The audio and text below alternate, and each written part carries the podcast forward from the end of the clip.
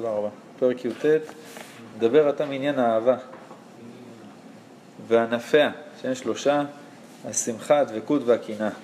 יש שלושה דברים לדעת שהאדם אוהב. בן אדם אוהב משהו, הוא שמח, בן אדם אוהב משהו, הוא דבק בו, בן אדם אוהב משהו, הוא מקנא. כי עזק המוות אהבה, מקנא לא, לא מקנא. קשה כשאול קנאה. מקנא לא. גם מישהו יושב ליד אשתך במסעדה, ישים עליה יד, ומה קרה? בהנחה שהוא אוהב את אשתו. לא, זה מאוד יפתיע אותי, אבל אני אוהב את הילדים, אז למה אין לי קנאה להם? בטח שיש לך קנאה. לא קנאה שאתה מקנא בהם.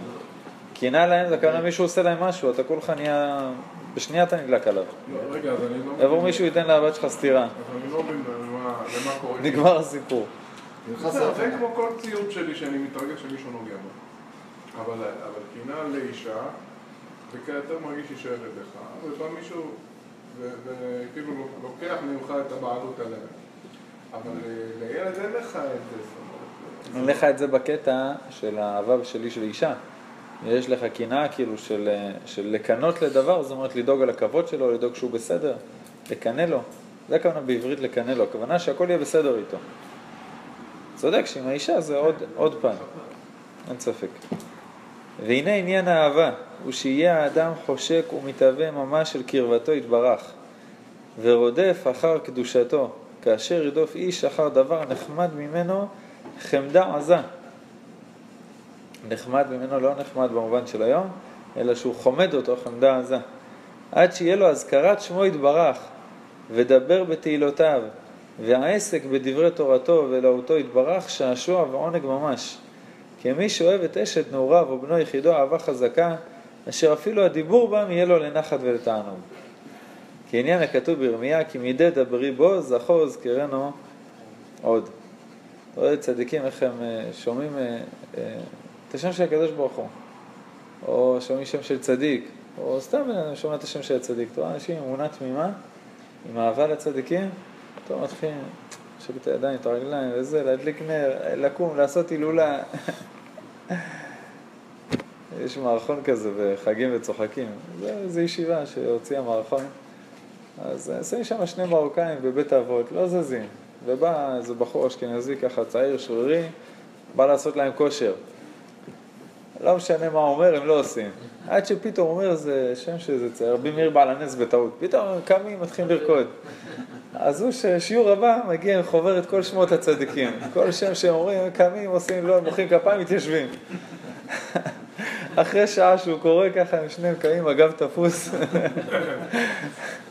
אתה לא יכול לעבור לסדר היום. הזכירו פה רבי שמעון בר יוחאי, רבי מאיר בעל הנס, בבא סאלי, אתה מתרגש. אנשים שהכירו את הצדיק, אתה מתחילים לנשק את הכפות ידיים, מרוב לא יודעים מה לעשות עם עצמם. הזכירו את הבבא סאלי. אנשים אה, באמת אה, רציניים.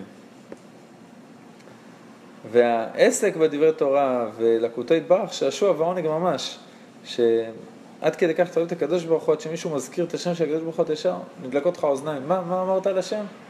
יש לך איזה דבר תורה חדש, איזה חידוש, איזה משהו יפה בעבודת השם, אפילו לא דבר תורה פרשת שבוע.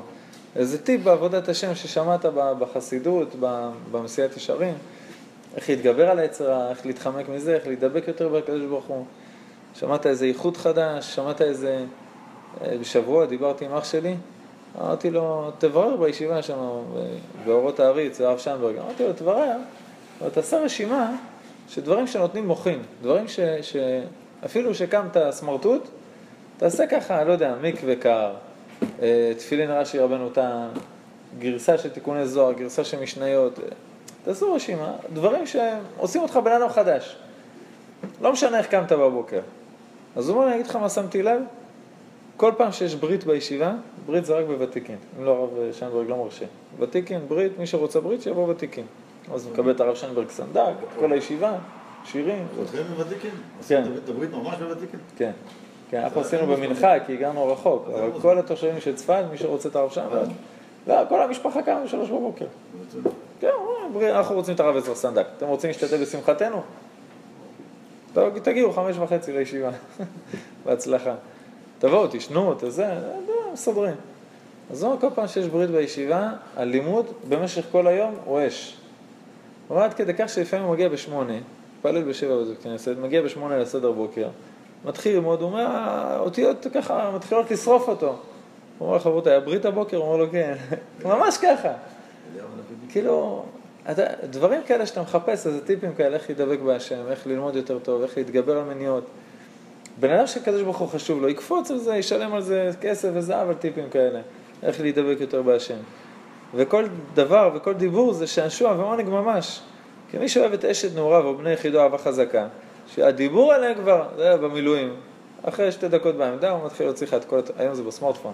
פעם זה מארנק, זה הילד שלי, זה ככה, זה הוא מדבר, זה החוכמות שהוא עשה, זה... הוא גם מוציא את התמונות של האישה, אתה אומר לו, תשאיר בינתיים, בוא, בוא נשאר בילדים. אה, אתה מהאלה? ואתה רואה שעושה דבר שאתה אוהב אותו, כיף לך לדבר עליו. איך אתה יודע מה הבן אדם אוהב? מה הוא מדבר על זה כל הזמן? אתה לא צריך לשאול אותו מה התחביבים שלך. תשב לידו שתי דקות באוטובוס, טוחן על כל הדברים שמעניינים אותו. בכלל, מהדיבור של האדם אתה יכול לדעת עליו הכל. הכל. אתה יכול לדעת את האישיות שלו, את המידות שלו, איפה הוא מונח, איפה הנשמה שלו נמצאת, איזה גובה הוא, כרגע בנשמה. רק מהדיבור, רק מלשבת להקשיב לבן אדם כמה דקות, אתה יכול למלות עליו כרטיס, ורוב הדברים אתה תהיה צודק, רוב הדברים. לא מהסתכלות, הסתכלות צריך להיות יותר רציני להסתכל על בן אדם, אבל מדיבור, אתה יכול להגיד עליו הרבה דברים על בן אדם הזה. היה איש אחד שאמר ל, ל, לאשתו שהם נפרדו, אבל הוא התעלל בה בכל הקטע של גיטים והכל וזה. הוא אמר לה, אם תחתמי לי על החוזה הזה והזה והזה, אני בא נותן לך גט. במקום. והיא מאוד רצתה, היא באה, ברוך הבא. היא באה לשאול את הרב שמואל אליהו. אומר לה, אני רוצה לשמוע אותו. שתי דקות לשמוע אותו, שיבוא לדבר איתי במשרד, שתי דקות, לא יותר מזה. אחרי שתי דקות הוא אומר, טוב, בסדר, זה, אני אדבר עם האישה, הכל מתקשר אליו, אמר לה, הוא לא, הוא ישנה, כל מה שהוא אמר, כל מה שהוא הבטיח, הוא לא יקיים. אין, אל תסמכי על הבגור של הבן אדם הזה. אה, תן לי לשמוע את הבן אדם, מה מעסיק אותו, מה המחשבות שלו, באיזה רמה של דיבור, האם זה קללות, האם זה לא. הספר היצירה כותב שכמו שהברית למטה ממצעת בין החמש וחמש אצבעות של הרגליים, ככה ברית למעלה, הלשון, ברית הלשון, מצאת בין האצבעות של הידיים, חמש וחמש, וזה ברית מילה, וזה ברית קודש. למה? כי מה שקורה למטה, קורה למעלה. עכשיו בן אדם שמדבר בגסויות, הוא פגום גם בברית למטה. אתה לא צריך לחקור, לא צריך חוקר פרטי, לא צריך כלום. איך שהוא מדבר בפה, אתה יודע מה קורה שם למטה. והפוך. זה דבר מאוד חשוב, קטע של הדיבור. אז הוא אומר, תדע לך, מי שאוהב את הקדוש ברוך הוא, הדיבור בקדוש ברוך הוא יעשה לו נחת. יגידו לו, רוצה לשמוע דבר תורה? אתה תראה את האור בעיניים. אני אשמח, איזה חידוש, איזה משהו מעניין, איזה משהו הקדוש ברוך הוא. רק, רק תדבר. יש אנשים שאתה אומר דבר תורה נעלמים. לא, כאילו מאבד את הריכוז במקום. אתה רואה שהוא לא שם, הוא לא שם. הוא מתפלל יפה, עושה מצוות, מניח תפילין. תגיד לו, "ס- סתם אתה בטרמפ, אתה בעמדה, אתה באיזה מסע עם איזה חבר. אתה מגיע למחוז של הדברי תורה, אין, איבדת את הבן אדם. והפוך, אתה רואה אנשים שישר, אה, בזוהר הקדוש, אה, סופר לאחד הרבנים מהחבורה של רשב"י, שבא אליו מישהו, אומר לו, שמעתי שאתה יוצא לדרך ללודקיה, סתם, איזה עיר, אפשר לבוא איתך? אומר לו, רק אם תדבר כל הדרך, רק דברי תורה. זה התנאי לבוא איתי. אם תדבר על המניות או זה, תמצא מישהו אחר ללכת איתו.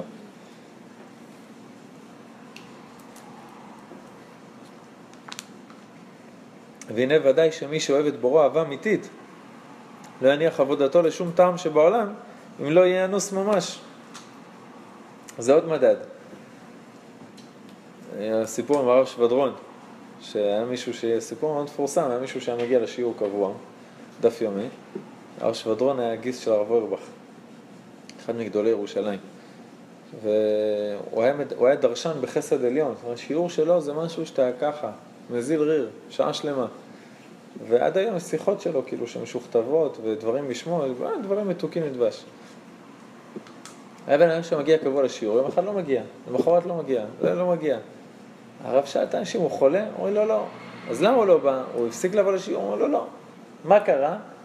יש, אה, אני לא זוכר אם זה היה מונדיאל, או שזה היה משהו פחות מהמונדיאל, זאת אומרת, זה משהו ארצי, אבל היה איזה תקופה של משחקי כדורגל מאוד אה, מעניינים בטלוויזיה. הוא נעלם. כל ערב בשעה הזאת הוא מרותק למסך. איזו בדיחה על מישהו שבא לאשתו, אמר לה, תקשיבי, אם את אה, תראי אותי באיזשהו שלב בחיים, כל הזמן מול המסך, מחובר לנוזלים ואפאתי ועם ריר שנוזל, אני לא רוצה לחיות ככה, תנתקי אותי. אז היא ישר שפכה לו את הבירה, חיבתה לו את הטלוויזיה. אז הרב שלדרון, לילה למחרת, סיים את השיעור, הלך אליו הביתה. זקן, זקן הדרשנים בירושלים, אחד מגדולי עולם, ברוך הבא. מגיע אליו הביתה, דופק בדלת, הבן אדם מהספה עושה כזה, כן, לא מוריד את העיניים. אז uh, הרב נכנס, מגיע עד אליו, שם לו את היד על הכתף, וכזה, קם כולו בהלם, הרב, מה, מה קרה? לא, אני דואג לך, מה יש, מה הבעיה? אמר, הרב, הכל בסדר, תן לי שבועיים, אני חוזר לשיעור. רגע, חכה שזה ייגמר. אז הוא אומר לו, מה אתה רואה? כדורגל. מה זה כדורגל? אני יודע מה זה כדורגל. הוא אומר לו, יש 11 שחקנים, יש 11 שחקנים קבוצה שנייה, הם מנסים לקלוע, כל אחד לשער של השני. אומר לו, ו-11 שחקנים, 24 שעות על המגרש? הוא לו, לא, נגמר המשחק, אחרי 90 דקות, הם הולכים, אין זמן פציעות או משהו, הם הולכים הביתה. אומר לו, אז מה הבעיה? תבוא אחרי שהם ילכו, תקלע כמה כדורים שאתה רוצה לשער. הרב, זה לא חוכמה, חוכמה זה להבקיע כשיש שוער, שהוא מפריע לך. לא, זה לא חוכמה להגיע לשיעור כשאין שום דבר לראות בבית.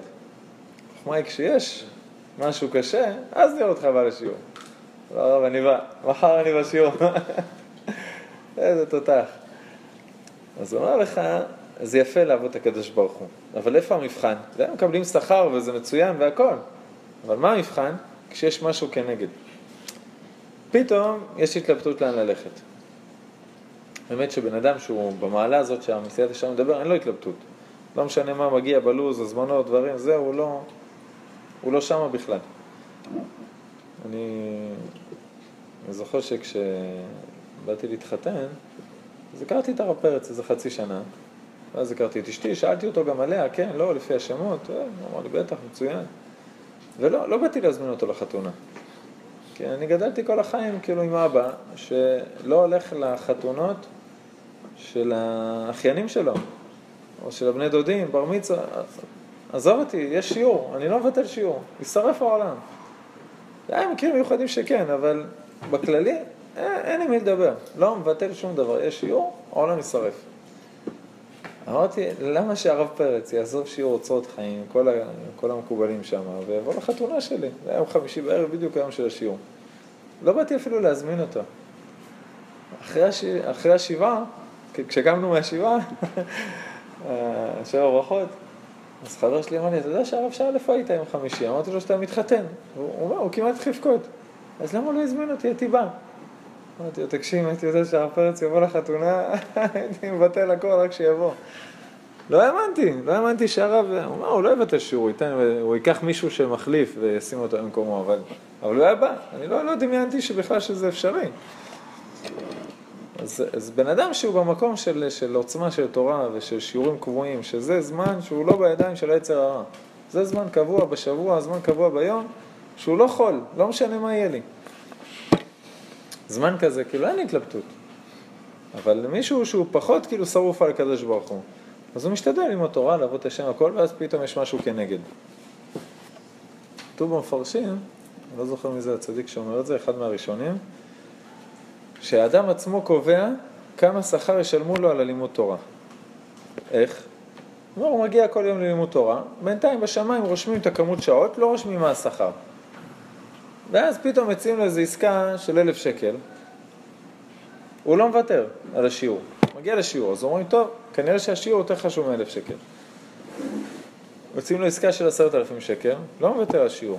אז, אז כנראה שהשיעור יותר חשוב מעשרת אלפים. אבל אם איזשהו שלב הוא אומר, זה יותר חשוב לי מהשיעור, הוא אומר, לפחות זה, זה השכר שמגיע לו על כל שיעור שהוא היה. אתה קובע את, ה, את התשלום. הרב, יש כאלה שעושים את השיעורים בחתונה.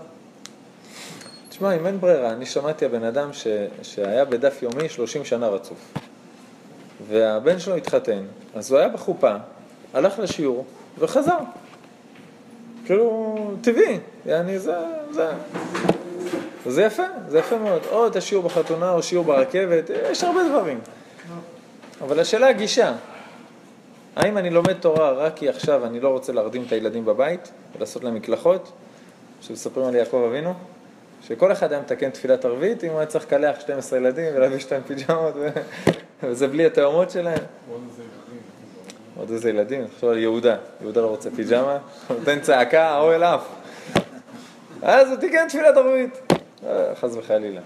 אבל אם הבן אדם הולך לערבית כדי לא להיות בבלגן של הבית, הולך לשיעור, לא להיות בבית, אז זה, זה סוג של לימוד תורה. זה עדיין אש ומתקן את העולמות והכל, אבל זה שווה פחות מאשר לימוד תורה רציני. ארבע. ארבע נשים, 12 ילדים, כל אחת תאומה. זאת אומרת, 24 חבר'ה. שיהיה לך בהצלחה. ערבית, תיקון חצות, מישמר, הכל.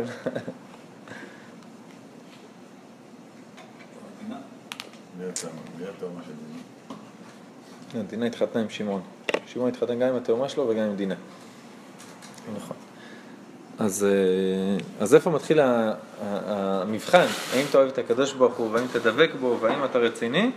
מתי שיש משהו כנגד. מישהו אמר לי היום, אמר אמרתי לו, הוא רצה לשתול אה, כמה עציצים. אמרתי לו, אבל שנת שמיטה, אסור. אומר לי, אבל אה, משלמים לי על זה. לא, הם משלמים לך, בטח שלא תעשה עבירה. אבל כשעכשיו אתה בניסיון, אז באים לבחון אותך. כאילו, האבל, יש לי משהו כנגד, זה, זה סיבה להיות עוד יותר חזק. כי אתה עכשיו בניסיון. לא, אה, יש לי משהו אחר, אז אני מפסיק. זה, זה בדיוק הפוך.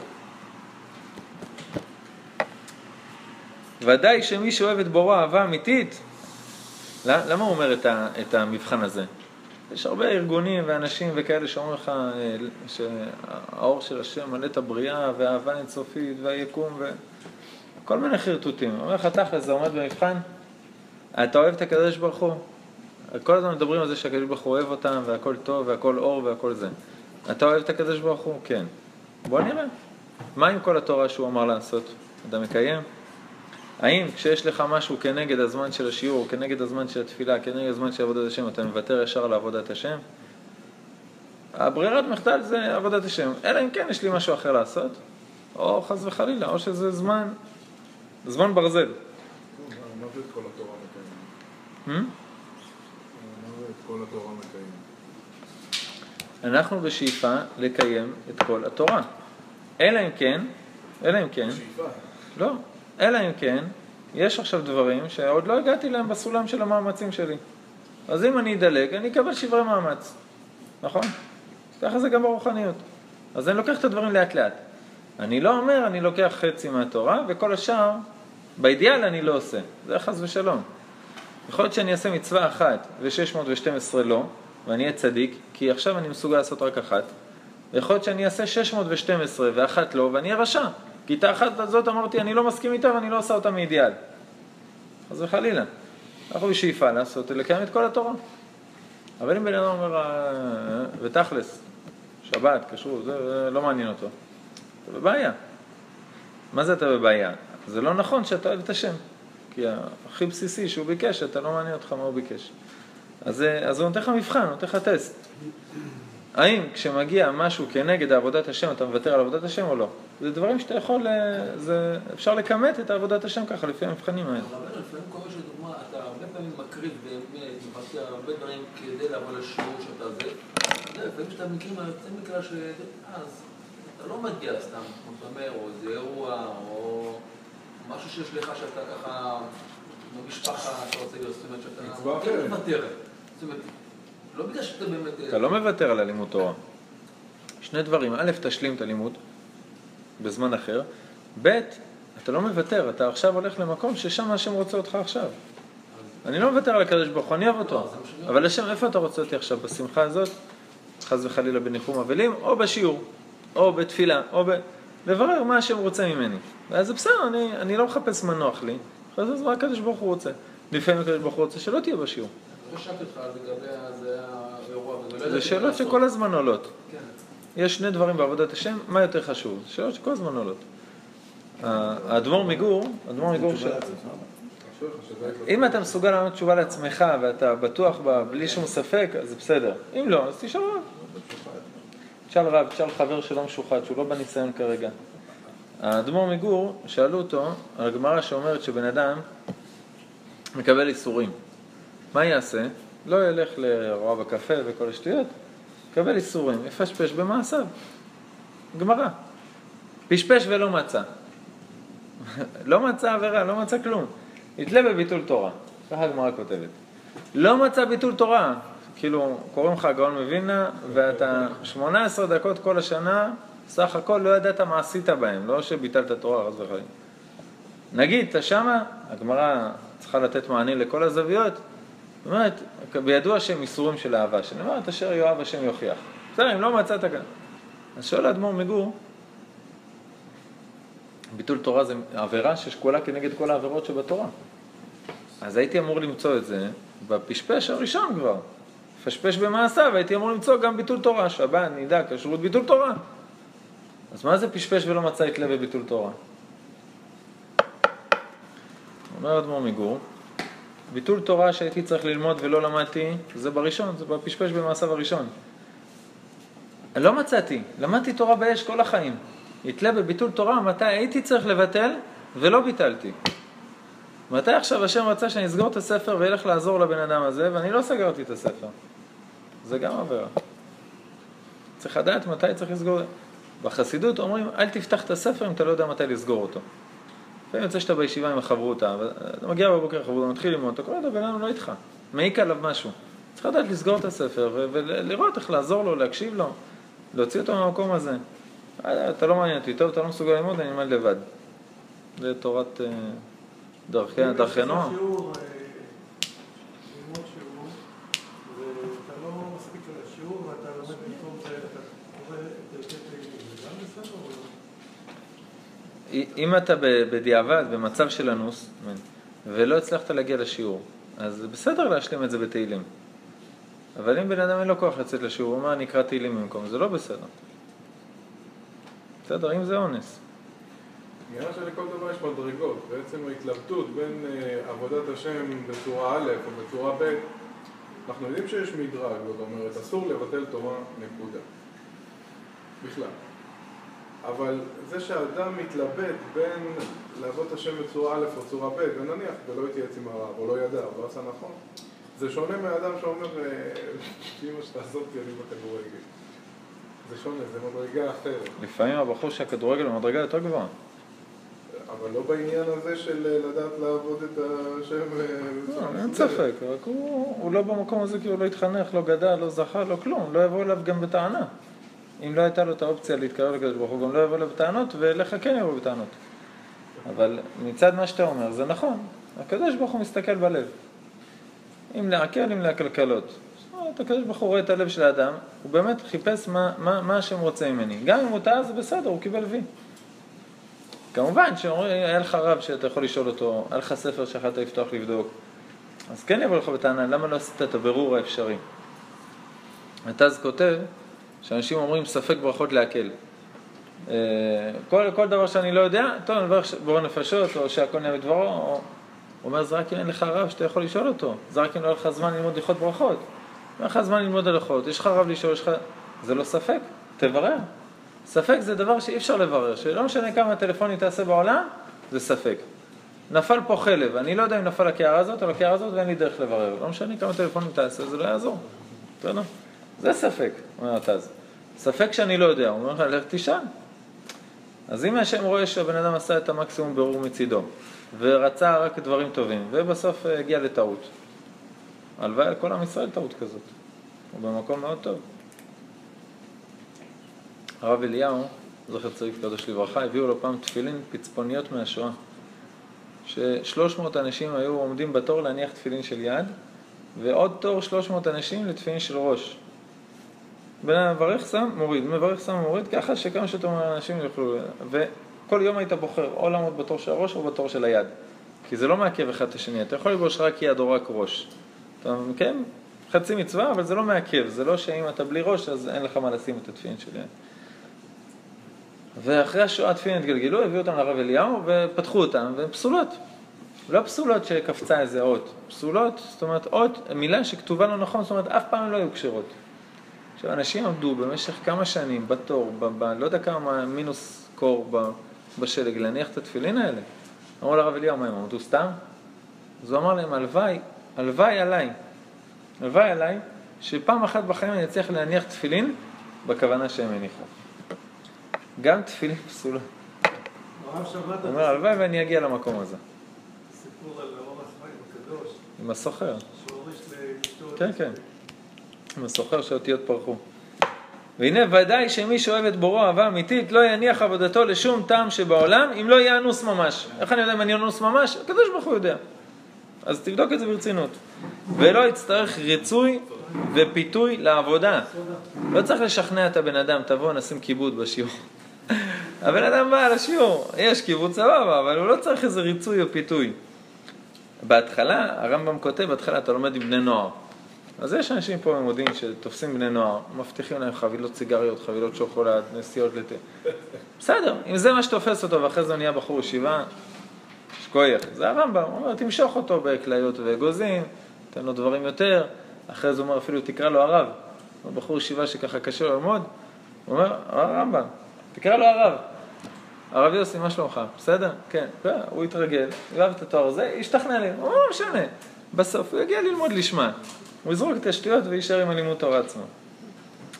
אלא אדרבה, אז הוא אומר, אבל באיזשהו שלב לא יצטרך ריצוי ופיתוי לעבודת השם, אלא אדרבה, ליבו יישאו ויריצהו אליה, אם לא עיכוב גדול שימנעהו. הלב שלו כבר, הרגליים שלו, הלב שלו ירוץ לדברי תורה, אם לא יהיה עיכוב גדול. כותב הרוחיים הקדוש, פרשת כי תבוא, אילו היו בני אדם מרגישים במתיקות וערבות טוב התורה, היו משתגעים ומתלהטים אחריה, ולא יחשב ביניהם מלוא עולם כסף וזהב למאומה, כי התורה כוללת כל הטובות שבעולם. תראה איך הרוחיים הקדוש כותב לך, אם היו, היינו מרגישים קצת מהעונג, מהמתיקות של התורה, והיו משתגעים, כל הכסף והזהב היו זורקים לפח, רצים ללמוד תורה. רק מה, לוקח כמה שנים עד שמגיעים לעונג שבתוך התורה, לחיבור, לדבקות. שנים של עמל. ואז אנשים לא מכירים, לא עוברים את השנים האלה. אבל אם הם מכירים, כל העולם היה רץ אחרי זה. הרב מרדכי אליהו זצ"ל, בתור ילד קטן, היה כל הבוקר מוכר תורמוסים בשוק, את התורמוסים האלה מוכר אותם בשוק כדי שלמשפחה יהיה מה לאכול, היה יתום. ו... ואחרי זה בצהריים היה הולך ואוסף מהבתי כנסת את השאריות של השעווה, שאנשים שלמדו במשך היום. מתיך אותם, שם בהם פתילה, עושה מהם נר, סוג של נר. אחרי זה הולך למוכר של הקרח. הוא היה נבחן על משניות בעל פה, מקבל איזה מטבע, איזה חצי מיל, לא יודע מה, חצי גרוש כזה, הולך למוכר של הקרח, קונה חצי בלוק קרח, ובלילה זה הזמן שלו. שם את המפה של השולחן, הם היו גרים בחדר אחד, כל המשפחה, מזרונים על הרצפה, שם את המפה של השולחן ככה מכל הצדדים, שלא יפריע לאף אחד, מדליק את הנר, שם את הרגליים בתוך המים עם הקרח, ולומד תורה. בגיל 11. ככה אח שלו מספר, זה, זה הלילות שלו. אתה מבין? הוא לא צריך ריצוי, פיתוי, הכל, זה נשמה ש, שיתום בגיל 9, 10, גיל 9 כבר אבא שלו נפטר, 9, 10, 11, 12 ועד יום מותו, השתגע, רץ על התורה באש בלי שתיתן לו ממתק, סוכריה, משהו, כאילו, אתה יודע, מסירות נפש, לתורה. מפחיד. הנכד שלו מספר שכשהוא הגיע לעין כרם, לשער צדק, איפה שהוא מאושפז, אומר, הוא, הוא הביא לאבא שלו דף אחד מנוילן מהרמב"ם. כי הוא לא יכול להחזיק את הספר, הרב, הרב אליהו, סליחה, לסבא שלו. הוא כבר היה חלש מאוד, הוא ידע שהוא מאוד אוהב ללמוד רמב"ם, אז הוא לקח דף מהרמב"ם מהגניזה, של איזה רמב"ם שהתפורר, עשה לו נעילון, ונתן לו להחזיק לרב מרדכי אליהו, שהוא שם מאושפז, מונשם וזה. הוא אומר, שעות, שעות ככה עם הדף, כל הדף מלא זהה, הרב כולו באש, אבל הוא כאילו יכול להחזיק משהו ללמוד. כולו לא עוזב את הדף. כמה אתה יכול כבר להסתכל בדף ברמב"ם? בטח הוא עף משם להמון סוגיות אחרות, אבל... זה לא... באש. הנה זאתי המידה הנחמדת אשר אליה זכו החסידים הראשונים קדושי עליון, כמאמר דוד המלך עליו השלום, כי אייל תערוג על אפי כמים, כן נפשי תערוג אליך אלוהים. צמאה נפשי לאלוהים לאלחי מתי יבוא ויראה פני אלוהים. אז פה זה הנפש, הנפש הורגת, הנפש צמאה לקדוש ברוך הוא, שזה יפה. נחשפה וגם קלטה נפשי לחצרות השם. אבל הפסוק אחרי זה, צמאה לך נפשי, קמה לך בשרי. כל כך הנפש שלו הייתה צמאה, כל כך הוא רץ למצוות, כל כך הוא זיכך את הגוף שלו, דוד המלך היה בתעניות. כל החיים. כל החיים שלו, כל יום שהיה מותר להתענות, היה מתענה בו. כשלו ברכי מצום, והוא כותב את זה על עצמו. אז הוא כל כך זיכך את הגוף עד שקמה לך בשרי. הבשר שלו, הגוף הבהמי, רוצה ללמוד תורה. אז מי יוצר אותך? אתה מבין? עם הגוף לא נותן לך לישון, רק הרגליים שלך רצות לבית מדרש, ו... אז, אז החיים שלך דבש, כאילו, אז הכל כבר בסדר. אה, כתוב, אה, אה, חישבתי דרכי ואשיבה רגלי לדבותיך. כשדוד המלך היה עושה לוז בבוקר, הרעלה שלו, הרעלשית הייתה מכינה לו לוז, אתה נפגש עם מלך חצור בשעה הזאת וזאת, עם הזה, עם השר צבא, עם הרמטכ"ל. טוב, בדרך ללשכה הוא היה לומד, עושה חזרות של לימוד תורה בעל פה. והיה מוצא את עצמו בבית מדרש. חישבתי דרכי, תכננתי לוז, ואשיב הרגליים, הרגליים היו הולכות לבית מדרש, היה נכנס, יושב, לומד, שוכח מהעולם. איפה המלך? לא יודעים. זה דוד המלך. לא, בכלל לא... אין, אנחנו- אין, אין, אין, אין אנחנו לא. ממוצע, אי אפשר לתפוס את זה. אבל, אפשר לראות שזה קיים. לא, לא, בסדר, אבל זה קיים. כמה זה רחוק? כמה זה רחוק, אני מסכים איתך, אבל... מה שהבשר, הבשר מתנהג, הבשר שלו מתנהג כמו הנשמה שלנו, טוב, זה, זה, אי אפשר לתפוס את להבין זה. אבל זה לא... אי אפשר לתפוס את זה, כן. אבל תראה לאן הוא הגיע. צמאה לך נפשי, קמה לך בשרי, ארץ צייה ועב ולא מים וכולי. כל זה מתוקף התשוקה שהיה משתוקק לו יתברך. כעניין מה שאמר הנביא ישעיה, לשמך ולזכרך תאוות נפש. ואומר נפשי הביתיך בלילה, הפרוכי בקרבי אשחריך. ודוד עצמו אמר בתהילים, זכרתיך ליצועי באשמורות אהגה בך. דוד המלך לא ישן יותר מחצי שעה רצוף כל החיים שלו. שנת סוס, כותבת הגמרא. אז הוא צריך אה, פרוזק או דברים כאלה. שום פרוזק לא יכבה את האהבה הזאת להשם. היו מזמינים אותו, הרב עובדיה, אמן. צדיק לברכה, כן. להיות סנדק. אז הוא היה אומר, אני לא אבזבז את הזמן שלי של לימוד התורה. אני, ברגע שיהיה התינוק שם, אני אבוא כמה שצריך, עשר דקות. לא, איזה ארבע דקות. יש סרטון שלו ביוטיוב על הברית, יושב, חותכים, הולך, ממשיך ללמוד. זהו. לוקח אותו, ממלאים אותו והוא הולך. כן. אני לא מסוגל להתחבר למציאות הזאת. לא. זה לא מציאות שהיא קשורה אלינו. אני אומר. זה, זה, זה, אין ספק שזה סוג של גורד שחקים. אני מבין שזה היה מקום לזה, לא, יששכר. להגיד יששכר, העוצמה, של התורה של הרב עובדיה או דוד המלך, זה, לא דבר שנתפס. זה לא, זה, כל העולם מתבטל, הוא לומד, ימות העולם. עכשיו, זה לא עניין שאתה מתעלל באשתך בזה שאתה עושה את זה. אשתו, אם הוא היה מפסיק ללמוד, הייתה מרביצה לו. והגית בו אלף לילה ולילה. כן, זה השאיפה, כאילו. אני איתך, יששכר, אני, רק, אני מאוד מבין אותו. את לב, הוא אומר לנו, תשמע, זה מאוד גבוה. אני מסכים, מסכים, אנחנו בפרק י"ט, תשמע, אנחנו בסוף נגיע לתחיית המתים. אנחנו... החמצן פה דליל. גם סיפרתי להורים, ומה ששמעתי מהעוזר של הרב אה, הוא באחד הימים, בא אליו אה, מישהו ולבקש ממנו סליחה. אמר לו, אני יודע למה. הוא זכר לו שהם למדו ביחד כשהם היו ילדים, והוא לקח לו את הכריך. הוא אמר לו שהוא סולח לו על זה שבאותו יום הוא לא אכל כלום. הוא לקח לו את האוכל, אבל לא על הביטול תורה. אבל לא על הביטול תורה, הוא לא יכול לסלוח. השם יעזור לעם ישראל. לקחת את הכריך לרב עובדיה. הוא זכר את זה ב-80 שנה. אני לא זוכר מי זה הרב הזה שסיפר את זה. יכול להיות הרב בן ציון אבא שאול, אני לא בטוח. הוא אומר אה, שהוא והרב עובדיה יורדים לחדר אוכל בישיבה. הוא היה לוקח פרוסה, מורח עליה את החמאה ורץ למעלה ללמוד. והרב עובדיה היה שם את הגושים של החמאה על הפרוסה ורץ ישר, בלי למרוח. אנשים שאין, אין, כל שנייה, בהפגזות על הרב אליהו, היה הפגזות אה, על, על ירושלים העתיקה. כולם במקלט, יושבים רועדים, מדברים, חדשות, היה בלאגן. הוא יושב בפינה, לומד, לומד, לומד, לומד, לא מעניין אותו כלום. עכשיו, הוא לא פראייר, הוא, הוא היה מרכיב למחתרת את המרגמות. המרגמות היו מגיעות, אה, היו מביאים אותם אליו, הוא היה מרכיב אותם ואומר להם לאן לראות אה, את הפצצה הראשונה. הוא אומר, הבית הזה, אתמול ירו עלינו. תראו לשם, אתה יודע, הם מחריבים. הוא לא פראייר, אבל כשאין עכשיו לא צריכים אותי, אני יושב, לומד. לא, לא מעניין אותו כלום. דוד עצמו אמר, אם זכרתיך על יצואי באשמורות אגבך, באר העונג והשעשוע שהיה לו בדברו בו ובשבחיו יתברך שמו. ואמר, ואשתעשע במצוותיך אשר אהבתי, ואמר גם עדותיך שעשועי. אתה לא צריך לחפש עונג או במקום אחר, זאת אומרת, בן אדם שמגיע לשם, הוא מלא כל שנייה של עונג, תענוג אלוקי של חיבור לקדוש ברוך הוא. והנה זאת ודאי, שהאהבה זאת צריך שלא תהיה אהבה תלויה בדבר. דהיינו שאהבת בורא יתברך על שמטיב אליו, ומעשירו, ומצליח אותו, אלא כאהבת הבן לאביו, שהיא אהבה טבעית ממש, שטבעו מכריחו וכופהו לזה.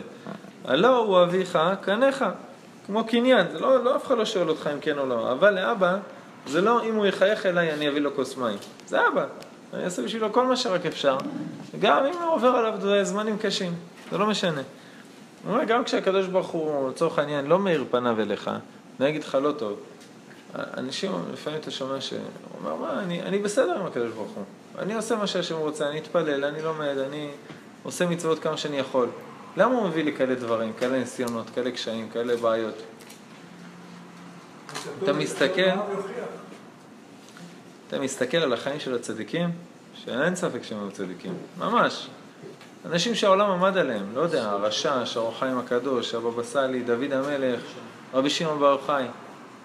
תסתכל על הקורות חיים שלהם, השח, מסכן מה עבר עליו בגזרות תח ותת, כל הפרעות.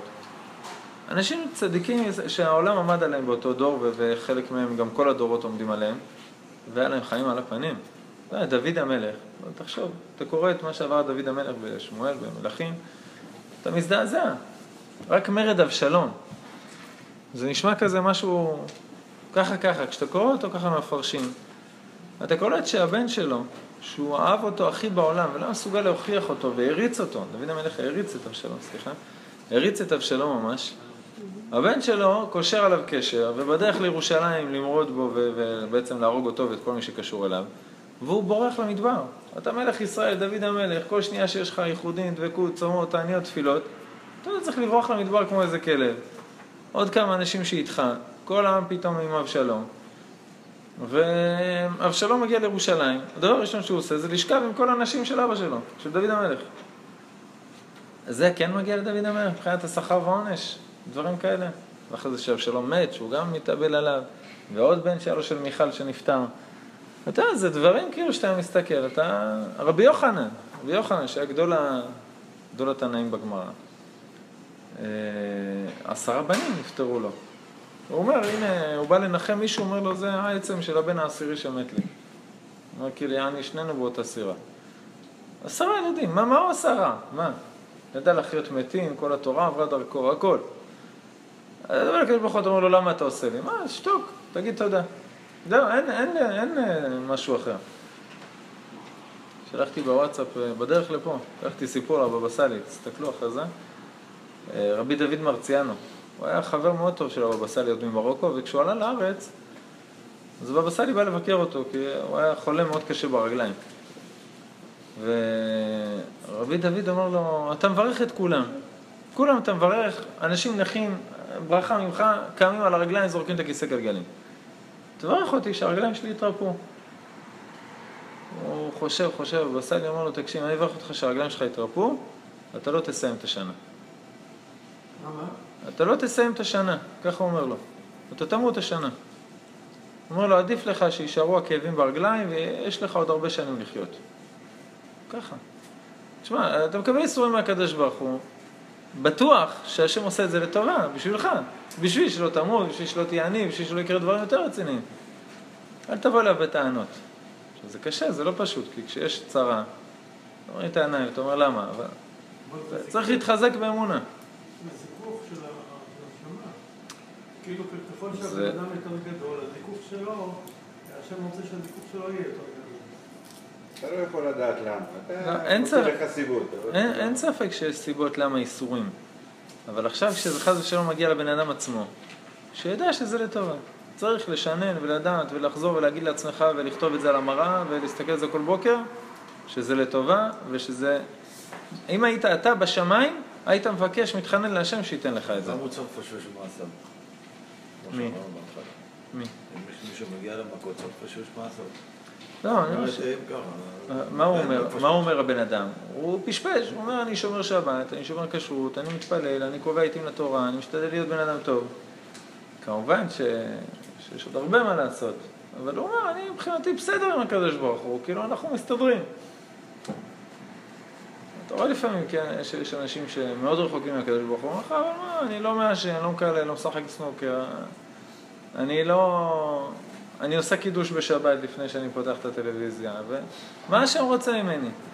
בסדר, אני לא מדבר על אנשים כאלה, אני מדבר על אנשים שבאמת משתדלים, ומגיע להם איסורים. הוא אומר, תדע לך, האמונה בהשם, הקדוש ברוך הוא, זה לא תעודת ביטוח. ואם יש לך איסורים מגלגולים קודמים, ואם יש איסורים שהם עכשיו בשביל כל עם ישראל, בשביל לזכך אותם, אתה לא יכול לשאול שאלות, אני רק יכול להבטיח, וזה דבר שצריך לשנן הרבה כדי שהאמונה תתחזק.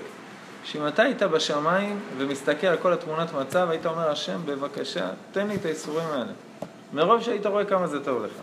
הרב, אתה אמרת שאדם שאין לו אין לו הרבה איסורים, סימן שמשהו לא בסדר. זה לא אני, זה הגמרא בערכין. מי שאומר שאין לו אבל צרות. הוא צריך להתחתן. פותר את כל הבעיות. היה מישהו שבא לרופא, אמר לו, הרופא, תן לי נוסחה לחיים ארוכים. אמר לו, תתחתן. אמר לו, זה יעשה לי חיים ארוכים? לו, לא, זה לך את החשק לחיות חיים ארוכים.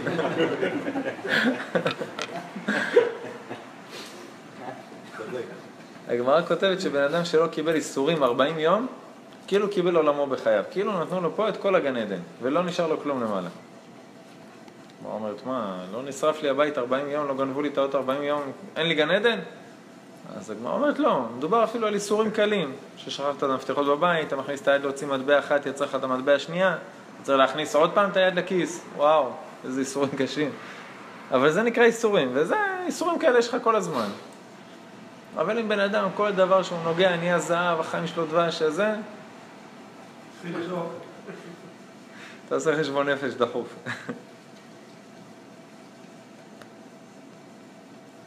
לי מה לדאוג. כפרה עליך. ומבחן האהבה הזאת הוא בזמן הדוחק והצרה. כן, קל לדבר, עד שמגיעות הבעיות. כמו שאמרו חז"ל, ברכות נ"ד, ואהבת את השם אלוהיך בכל לבבך ובכל נפשך. ובכל אה, נפשך, אומרת הגמרא, אפילו נוטל את נפשך. ובכל מאודיך, בכל ממונך. זאת אומרת, מצוות, אל תחסוך כסף.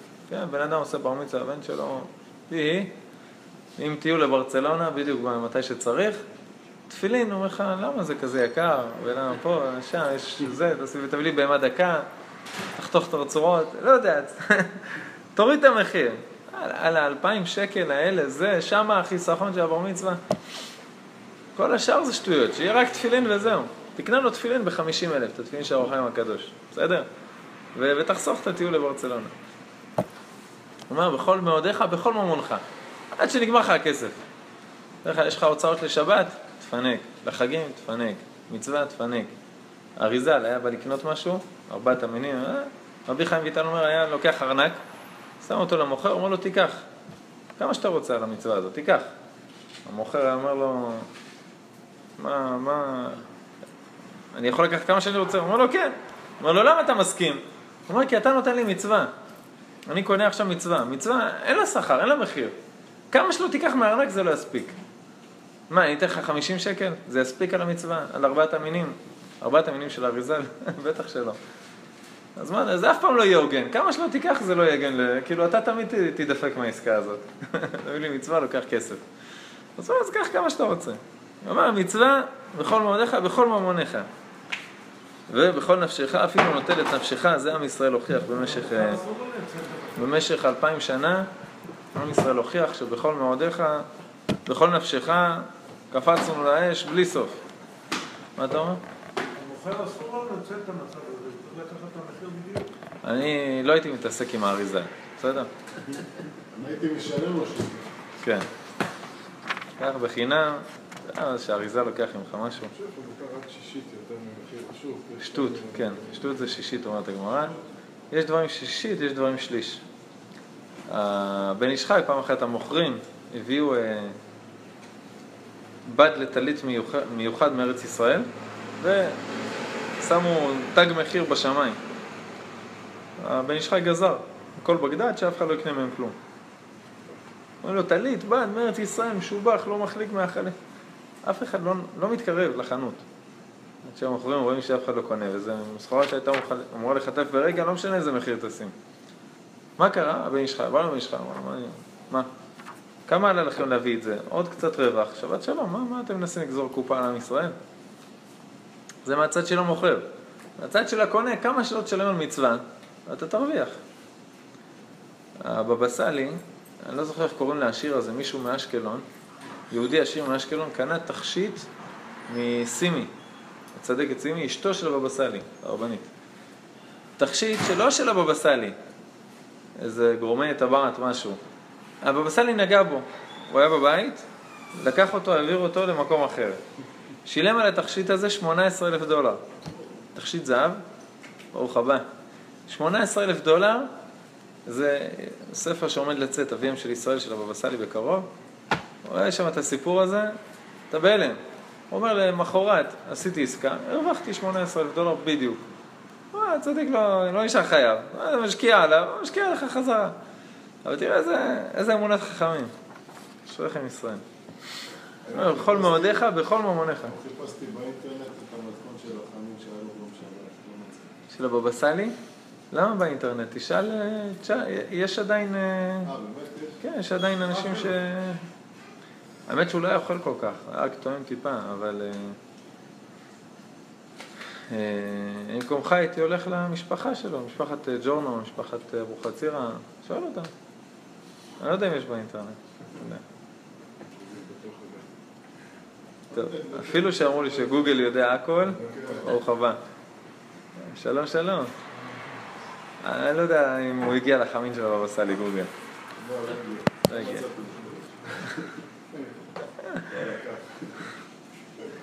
אמנם, בואו עוד קטע אחד, כדי שלא תהיינה הצהרות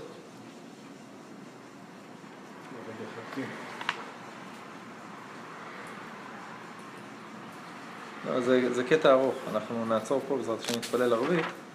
זה על, ה, על ה, איך להתייחס לאיסורים, כשאיסורים מגיעים זה בעזרת השם נמשיך בשבוע הבא יגזור השם לחיים.